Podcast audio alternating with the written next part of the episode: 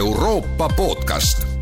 saade valmib koostöös Euroopa raadiote võrgustikuga Euronet pluss, mõista Euroopat paremini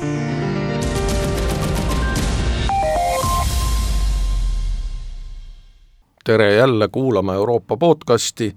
Euroopa Komisjon esitas eelmisel nädalal ettepanekud majandusjulgeoleku tugevdamiseks. Miks selline ettepanek ja mida sellega taotletakse, seda kommenteerib täna stuudios Euroopa Komisjoni Eesti esinduse majandusnõunik Ave Sank-Lukas, tere päevast! tere päevast! ja mina olen Erkki Pahovski. no räägime sellest äh, taustast, et äh,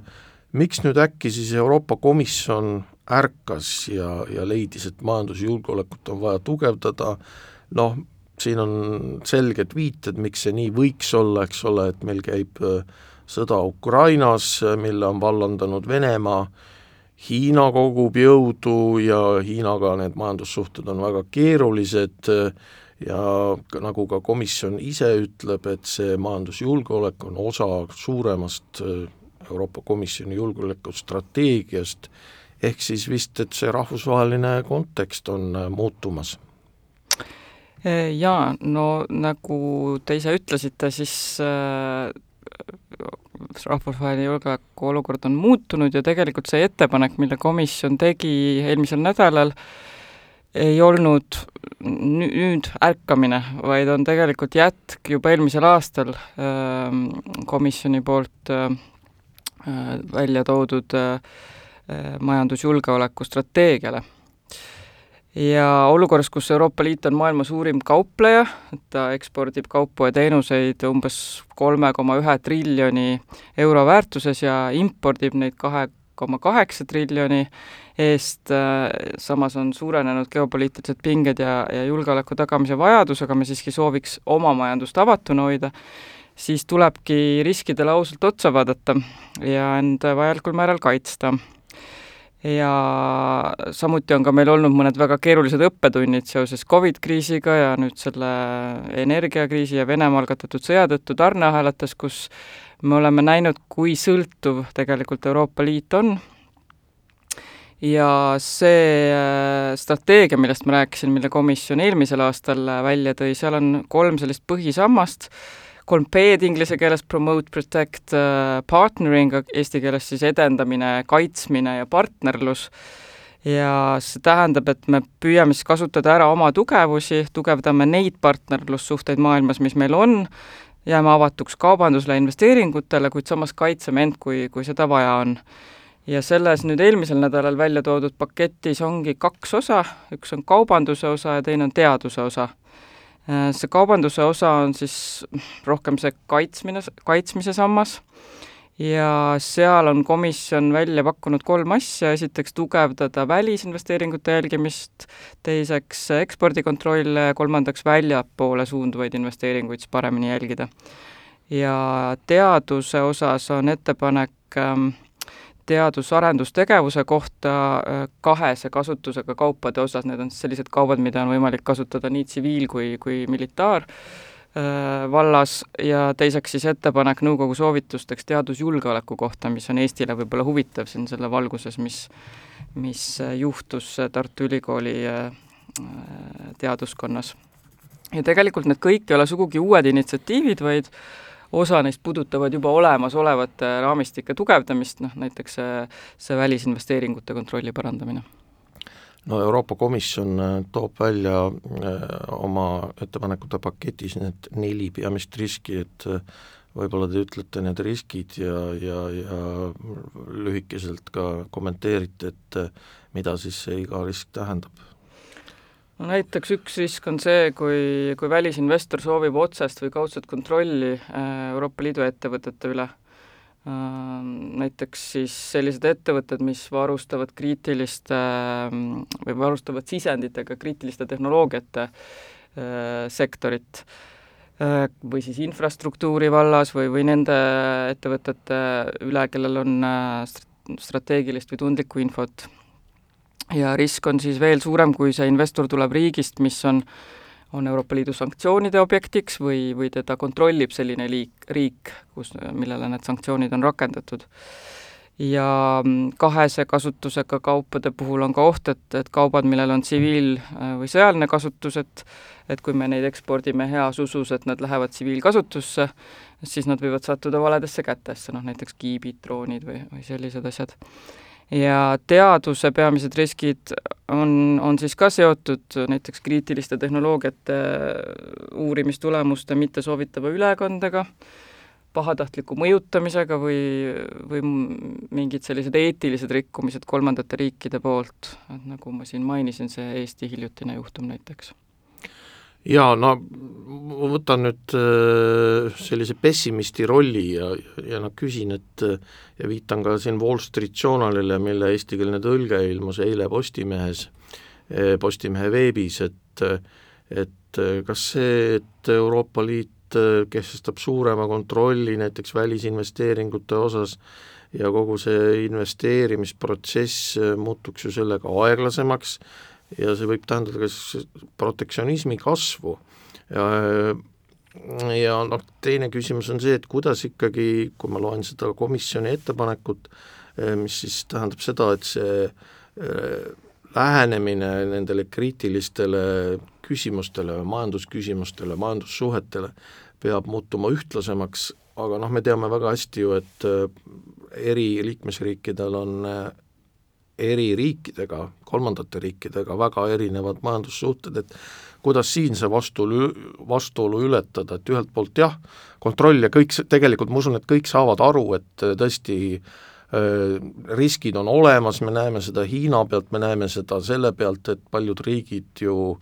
hiilivad Vene sanktsioonidest mööda ja müüvad Venemaale ikkagi jätkuvalt seda kriitilist tehnoloogiat, aga teisest küljest see üldisem pilt no tegelikult selle ettepaneku eesmärk on olemasolevat süsteemi muuta efektiivsemaks, et praegu juba enamikes liikmesriikides on mm, kas siis täielik või osaline välisinvesteeringute selline screen imise süsteem olemas, aga noh, mida me oleme näinud, on, et osasid väga tundlikke või selliseid just riskantseid investeeringuid on, ei ole see süsteem suutnud äh, siis välja valida selleks screen imiseks või on teisalt jälle kulutatud liiga palju aega äh, selliste juhtumite uurimiseks, kus ei ole midagi tegelikult taga olnud. Et noh, selle ettepanekuga nüüd komisjon siis, ja, ja süsteemid on ka erinevad liikmesriigis ja see infovahetus on selles mõttes keeruline, et, et see arusaadavus või ühene mõistetavus ei ole, ei ole tagatud. ja selle ettepanekuga komisjon siis pakub välja, et kehtestaksime ühesugused süsteemid kõigis riikides, valiksime välja ka teatud kriteeriumid, teatud sektorid, kus äh, seda kontrolli äh, Äh, eriti peaks äh, teostama. ja mingid kriitilised kaubad siis ja, ja kriitilised, kriitilised äh, valdkonnad.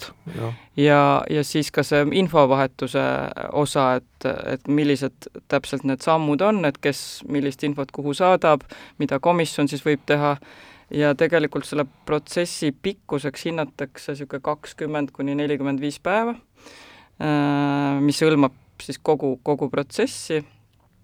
lisainfo küsimist ja, ja komisjoni otsust, kas seal on mingit mõju tu-, Euroopa Liidu turvalisusele,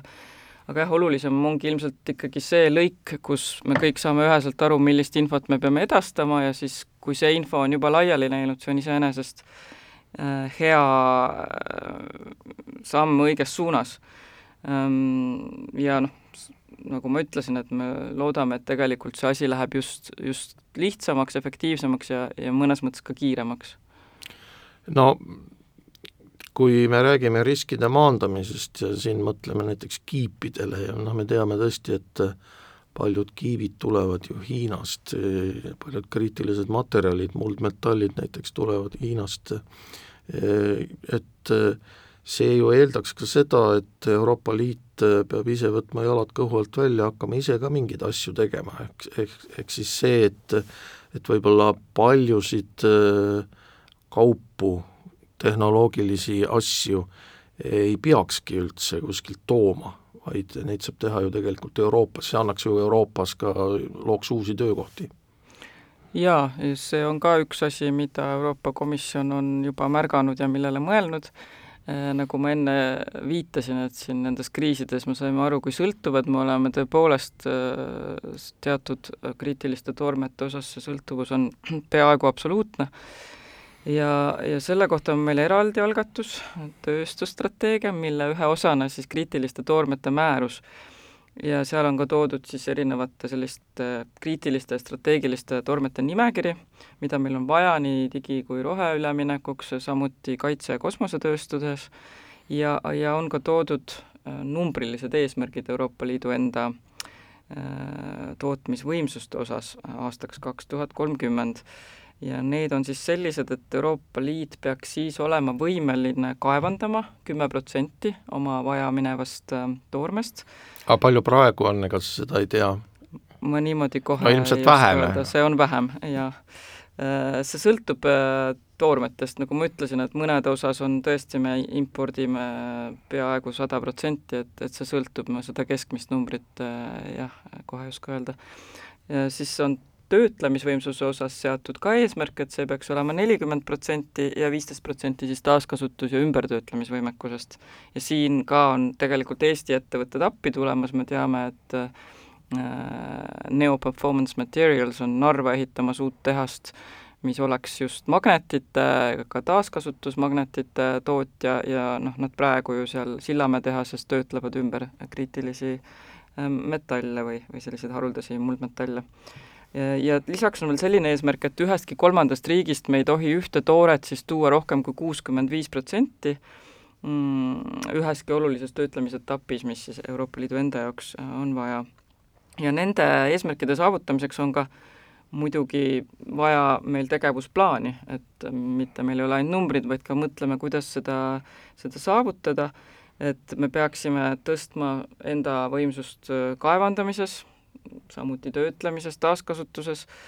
ja need ahelad kõik tuleb üles ehitada või siis ülemus, olemasolevaid arendada. Ja oluline on siin ka teadus-arendustegevus äh,,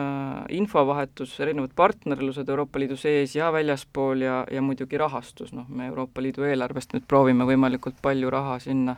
valdkonda suunata.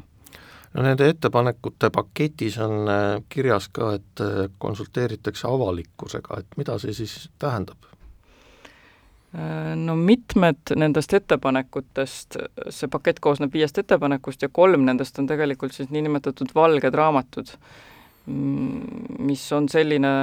sellise iseloomuga dokument, et ongi mõeldud avalikuks konsulteerimiseks, ehk siis seal on, võivad olla kas äh, variandid, millele siis avalikkus saab tagasisidet anda ja, ja näiteks teadus-arendustegevuse toetamise osas seal ongi, et selle kahese kasutuspotentsiaaliga toodete puhul välja toodud kolm valikuvõimalust, et kuidas edasi minna, et et kas me jätkame senise toetusloogikaga siis äh, teadusprogramm Horisondi alt äh, või seal oleks siis avatud laiemalt see, mis praegu on tsiviilkasutusele rangelt ähm, suunatud programm või kolmandaks me loe, äh, loome eraldi toetusinstrumendi just sellise kahese otstarbega kaupade arendamiseks. ja, ja seal näiteks on siis avalik konsultatsioon, mis kestab kolmekümnenda aprillini. kodanikud saavad siis veebi panna oma ettepanekuid just. ja nii edasi, jah? kodanikud, huvigrupid, riigiametid, absoluutselt kõigi tagasiside on oodatud, samuti on valged raamatud ka ekspordikontrollide ja, ja väljapoole suunatud investeeringuid puudutavad dokumendid